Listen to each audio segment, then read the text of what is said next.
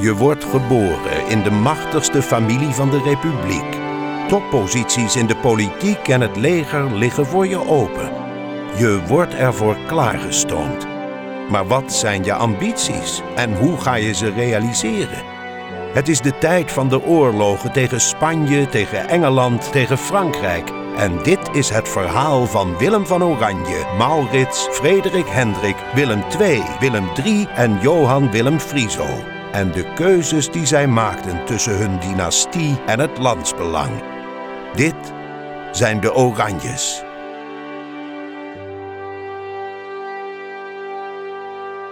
Welkom in Hoe klonk het Wilhelmus? Alom klinkt het Wilhelmus, van de EK tot de Olympische Spelen en van dodenherdenking tot Koningsdag. Maar luisteren we wel naar het echte Wilhelmus? Het is de vraag hoe het ooit klonk. De uitkomst van ons onderzoek is verrassend. Een reconstructie van Martine de Bruin, Mike Kestemond en Arjen Verhagen. Hoe klonk het Wilhelmus eigenlijk? Nou ja, zo natuurlijk.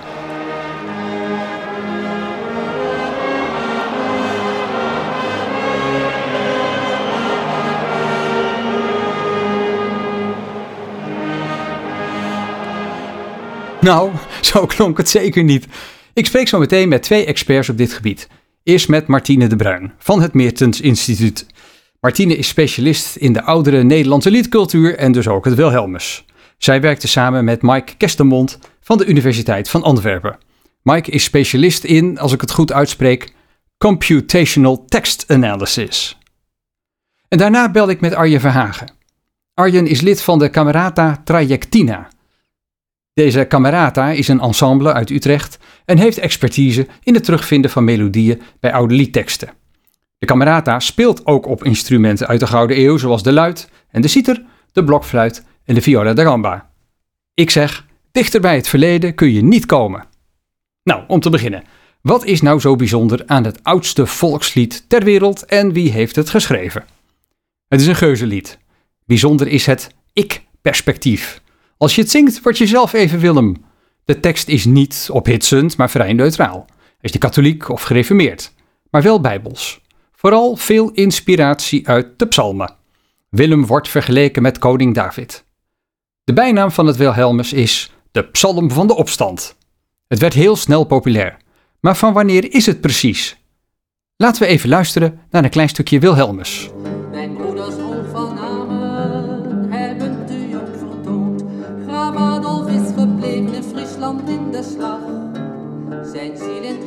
Leven verwacht de dag. Dit slaat op de slag bij Heiligerlee. Lodewijk, de broer van Willem van Oranje, won.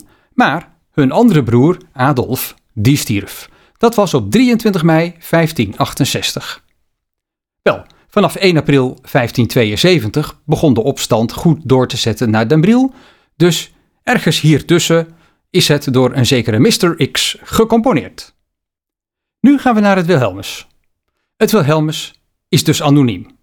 Onbekend is wie het heeft geschreven. Er zijn allerlei aannames.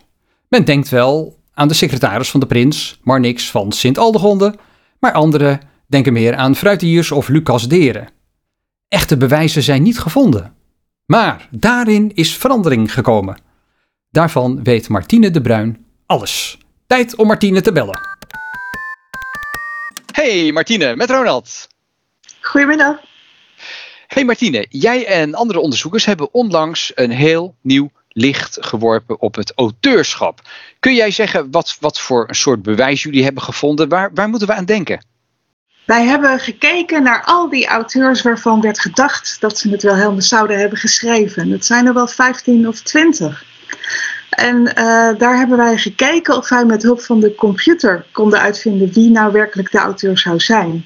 En het uh, meeste werk daarvoor is gedaan door Mike Kestemond van de Universiteit van Antwerpen. Jij zegt Mike Kestemond eh, speelde een belangrijke rol. Hoe heeft uh, Mike dat aangepakt? Kun je dat vertellen? Ja, hij gebruikte een, een techniek die stilometrie heet. En die een beetje lijkt op het type onderzoek dat ze ooit deden naar schilderijen. Om de, de schilders daarvoor te kunnen identificeren. Want daar gingen ze vooral kijken naar de wat minder belangrijke details op zo'n schilderij. Want hoe schildert iemand oren? Hoe schildert iemand handen bijvoorbeeld? En de gedachte is dat een eh, schilder dat altijd op dezelfde manier deed. En zo kan je ook naar taal kijken. Dus naar hoe een schrijver precies zinnen maakt. En daarbij wordt dan gekeken naar bepaalde kleine woordjes, de signaalwoordjes uh, noem je dat. Dus de, de lidwoorden, de voorzetsels, die zijn heel typerend. En daarmee maak je dan eigenlijk een vingerafdruk van de tekst van zo'n auteur. En zo uh, hebben we dat ook gedaan bij alle teksten van auteurs die verdacht werden van het schrijven van het Wilhelmus. Hé, hey, wat interessant. Dus woorden als de en het of voorzetsels en van en door. En dan krijg je een digitale vingerafdruk. En wat heeft dat opgeleverd? Nou, toen de vingerafdruk van het Wilhelmus werd vergeleken met die auteurs, maar ook met een veel groter corpus met nog heel andere auteurs die nog helemaal nooit werden genoemd in verband met het Wilhelmus, toen bleek opeens dat er een heel andere kandidaat uitsprong. En dat was Petrus Dateen, bekend van een uh, heel beroemde psalmberijming uit de 16e eeuw, maar nog nooit genoemd als kandidaat voor het Wilhelmus. hey, voordat we naar die psalmen gaan, want daar ken ik hem inderdaad ook van. Petrus Dateen, wat heeft hij ermee te maken? Wat was dat voor iemand? Want heel veel mensen zullen hem niet kennen. Uh, Petrus uh, Dateen was uh, West-Vlaming, een prediker die erom uh, bekend stond dat hij echt heel mooi en goed en overredend kon spreken. En als reizend prediker zal hij dat ook uh, heel vaak hebben gedaan. Uh, overtuigd protestant en ook jarenlang heel close met de Oranjes. Dus hij is jaren vertrouweling geweest van de club rondom Oranje. Dus dat maakt het ook waarschijnlijk dat hij iets voor Willem van Oranje heeft kunnen schrijven. Ja, als, als bewonderaar. Hey, is hij ook die Dateen die al in 1568 bij het beleg van Chartres was? Ja, dat klopt. Als reizend predikant was hij precies bij dat uh, beleg aanwezig. En dat is voor ons dan eigenlijk uh, een, een heel mooi uh, weetje. Want Hoezo? het Wilhelmus werd geschreven op een bestaande melodie. En als je nou kijkt naar oude bronnen, dan staat boven de tekst van het Wilhelmus dat dat de melodie is van het liedje Chartres. En dat verwijst naar een liedje over dat beleg van Chartres. Ik ken dat lied. Dat is dat lied waarin de leiders notabene, de protestantse leiders Condé en admiraal Coligny, die worden toch een beetje voor gek gezet daarin. Hè? Want haha, ze kunnen lekker de stad niet veroveren. Ja, dat klopt. En daarom heet het ook à la folle entreprise de Prince de Condé. dus ja. het is wel heel mooi dat dat nu in deze context uh, opnieuw zou worden gebruikt. Ja, ja, dit is de wraak van de geschiedenis. Even nog over die Dateen. is misschien wel leuk dat die psalmtekst zo ontzettend populair is. Het is misschien leuk voor de luisteraars als ik even een, een voorbeeldje geef van zo'n psalm. Dit is misschien wel een bekende. Het begin van psalm 42. Als een hert gejaagd, o heren, dat verse water begeert, alzo dorst mijn ziel ook zeren, naar u, mijn God, hoog geëerd.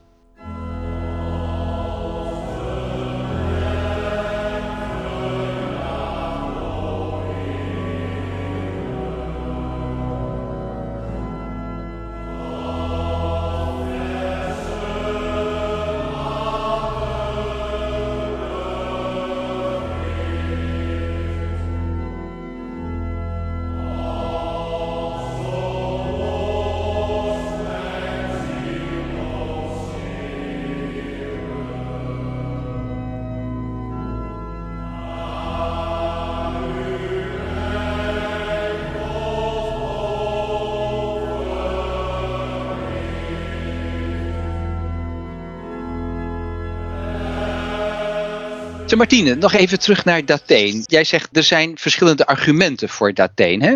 Zou je die eens een beetje op een rijtje kunnen zetten voor ons? Ja, zeker. Dus met dat bewijs van de stilometrie als startpunt zijn we gaan kijken hoe aannemelijk het was dat hij ook werkelijk de auteur van het Wilhelmus zou zijn. Dan hebben we dus al dat mooie voorval dat hij aanwezig was in Chartres en dus waarschijnlijk die melodie gekend heeft. En dus ja, misschien wel de persoon is geweest die die melodie mee naar Nederland heeft genomen. Spannend verhaal, dus we moeten zeggen uh, to be continued. Dankjewel Martine. Graag gedaan. Nou, ik vat even samen. De oudste tekst die we van dat Wilhelmus hebben is Duits. De melodie is afkomstig uit Frankrijk. De auteur is hoogstwaarschijnlijk een Belg. En dit is notabene ontdekt door een Belg. Kortom, weinig Nederlands allemaal. Nou ja, niet getreurd, maar moedig voorwaarts, want we willen weten hoe heeft het Wilhelmus echt geklonken. De man die dat weet is Arjen Verhagen. Ik bel Arjen op. Hey Arjen, met Ronald. Hey, hallo. Hey Arjan, hey, een, een vraag. Uh, vroeger klonk de melodie anders. En jullie van de Camerata hebben daar onderzoek naar gedaan. Is de melodie van die eerste versie bekend? Ja, ja, zeker. De melodie heeft een Franse uh, afkomst en ook een Franse titel. Een hele mond vol, maar hij heet Le Folie d'entreprise de Prince de Condé. De Prince de Condé, wacht even Arjen. Wat is er met die Condé aan de hand? Het goed is hebben jullie inderdaad al vernomen dat Dateen een, hele goede kandidaat is als schrijver voor het Wilhelmus. En, en dit is een strijdliedje, eigenlijk een spotliedje, strijdliedje wat ontstaan is bij het beleg van Chartres blijkt dus dat, dat Dateen daar ook in de buurt was op dat moment. En dat is dus blijkbaar een liedje wat daar is gemaakt. En blijkbaar is dat dan, dat is de melodie waar de eerste teksten op gebaseerd zijn. En die melodie heeft zich dus ontwikkeld tot, tot het Wilhelmus. Nou, misschien leuk. Ik, ik ken het lied wel. We kunnen er zo misschien wel eens even naar gaan luisteren. Ik zal even de tekst eh, voorlezen. Oh la folle entreprise du prince de Condé. À Chartres la jolie, il a voulu entrer, c'est à lui, grande folie. Il n'y entrera pas. Les bons soldats de France ne le souffriront pas. Dat is wat een dwaze onderneming van de prins van Condé. Hij wilde het mooie Chartres binnendringen. Dat was heel dwaas van hem. Hij komt er niet in. Daar zullen de goede soldaten van Frankrijk wel verzorgen. Dat is het eerste couplet. En het tweede couplet. La fille fut un samedi matin de, par Monsieur le Prince, et l'amiral Mutin ont envoyé trompette. Et aussi l'héros, sur Chartres, la Jolie, ont crié à l'assaut. De stad werd opgeëist op een zaterdagmorgen door de prins en door de rebellerende admiraal. Ze stuurden trompetters en de heraut en zij hebben bevolen om Chartres te bestormen. Ik stel voor dat we er maar eens even naar gaan eh, luisteren.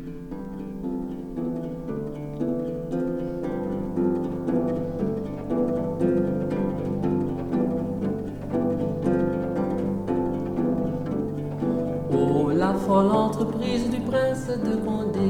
À Chartres la jolie, il a voulu entrer. À lui grand folie, il n'y entrera pas. Les bons soldats de France ne le souffriront pas.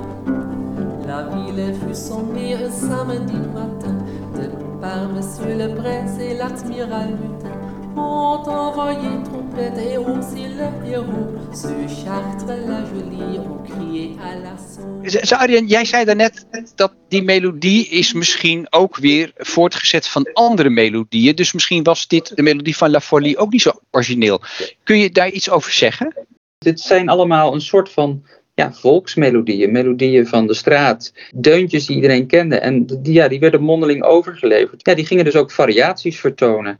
Hey, en, en weet jij van welke melodie dit waarschijnlijk uit de middeleeuwen afkomstig is? Of is dat niet bekend? Het blijkt ook wel toegepast te zijn op een, een 16e eeuws Maria-liedje. Toujours toute ma vie. Het lied wat we net hebben gehoord, La Folie Entreprise, dat is eigenlijk wel het model. Het heeft het meeste verwantschap. Daar kunnen we wel van zeggen dat dat echt met het Wilhelmus te maken heeft. Ah, oké. Ik heb wel eens gehoord dat de oudste versie van het Wilhelmus uh, waarover wij beschikken, dat dat niet eens een Nederlandstalige versie is. Het is wel aannemelijk dat er ook eerdere versies waren in het Nederlands. Maar ja, Willem was een figuur die natuurlijk ook net zo goed in Duitsland opereerde. Dus het is eigenlijk heel logisch dat er ook een, een Duitse versie is. Uh, ja. Die is bekend en die hebben we opgenomen. En uh, nou, volgens mij kunnen we daar zo prima even naar uh, gaan luisteren. Wilhelmus Nassau deutscher Dem Vaterland getreu bleib ich bis in den Tod. Ein Prinz von Oranien bin ich frei und vermehrt.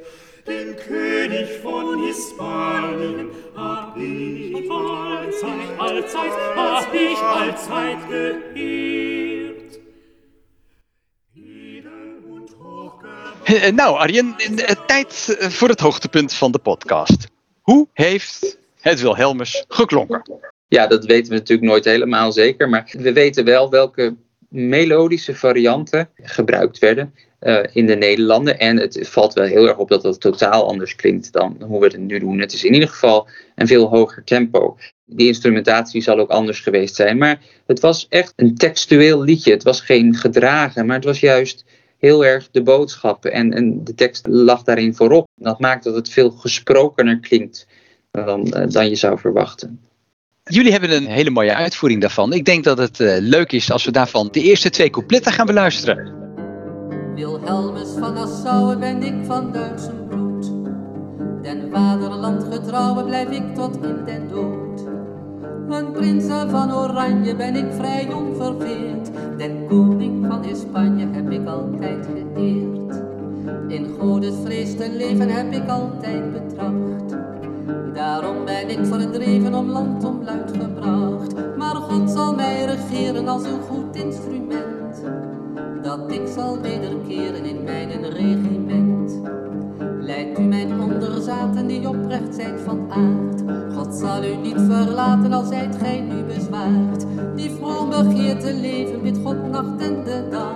Dat hij mij kracht wil geven, dat ik u helpen mag. Lijf en goed Arjen, het huidige Wilhelmus, dat is wel duidelijk, dat klinkt toch echt heel anders. Heb je daar een verklaring voor?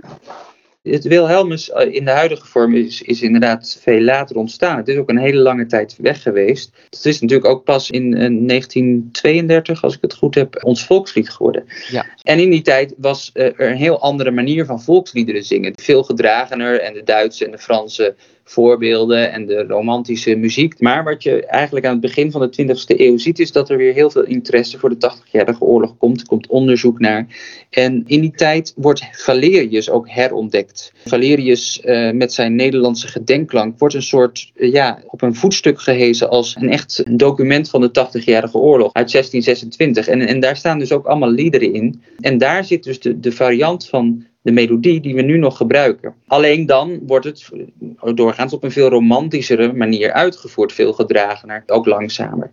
Het was een rijke dominee uit de, de omgeving van Zeeland, die het leuk vond om retrospectief voor de jeugd stichtelijke poëzie over de oorlog te schrijven. Valerius is een enorm belangrijke 19e eeuwer geworden eigenlijk. Eh Ja. 20e eeuw. Ja, nou, dit is de, het begin van- zoals we het kennen.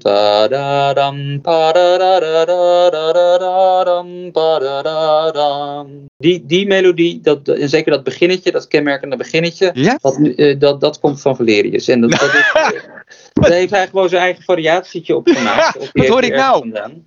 Dus dat is eigenlijk, het, nou zeg, dat is helemaal niet uit, uit de tijd van het ontstaan van, dat, ik heb dat altijd gedacht. Het, Ja. het is natuurlijk wel uit de 17e eeuw, dat melodie. Ja, dat wel. Nou, oké, Maar ook in de versie van Valerius eh, word je toch wel ge- geacht, of denk ik toch wel dat het tempo veel hoger mocht liggen. Maar ja, als je met eh, hele volkstammen in een stadion een lied wil zingen, moet je het allemaal niet te snel doen natuurlijk. Ja, prachtig. Die melodie en dat Wilhelmus waren een politiek instrument, of een, een opinie-instrument moet ik zeggen. Je kon dat gewoon gebruiken voor je eigen tekst en dan kon je zeggen ik ben het hier niet mee eens en dat deed je dan op het Wilhelmus. Nou, een hele leuke is een lied over de Spaanse hoeren. Op het moment dat Spanje het wat minder doet, zich moeten terugtrekken met zo'n oorlog. Ja, er waren ook vrouwen bij en, en er waren ook vrouwen van lichte zeden bij. Maar die Ja. verloren hun gewoon hun klandizie. Want ja, als de Spanjaarden weg waren, Oh, dan, eh, ja, dat waren gewoon de moffenmeiden van de, Oh. van de 80 Ja, jaar. ja, ja, ja, ja. En Oh. eh, zoals de moffenmeiden kaal geschoren werden, kregen deze, eh, ja, deze Spaanse poeten ja. eh, het toch ook echt te verduren. He- heb je daar ook een tekst van? Ik kan het eerste couplet wel eventjes een stukje voorlezen. Ja. Ik heb droefheid vernomen, sprak daar een Spaanse poet. Hier is kwaad tijding gekomen die ons verzuchten doet. Dat al ons fraai senioren moeten naar Spanje koen. Wat zullen wij Spaanse hoeren nu allemaal gaan doen? Oh, wat zielig. Ik denk dat we maar eens even naar moeten luisteren naar dit eh, fragment.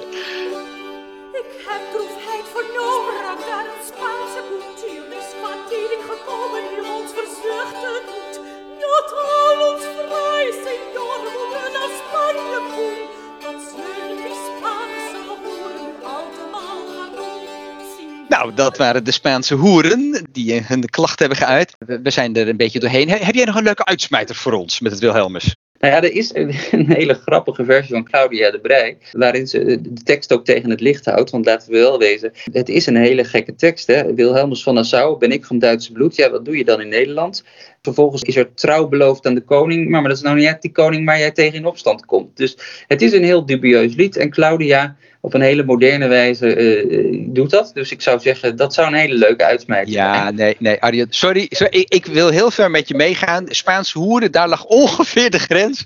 Ik stel voor dat we even de, de, de 21ste eeuw eh, laten voor wat die is. He- heb je ook nog een oké. leuk- iets anders wat een beetje past bij het toch wat wel plechtige karakter van deze podcast? Nou ja, goed, Arjen? kom op.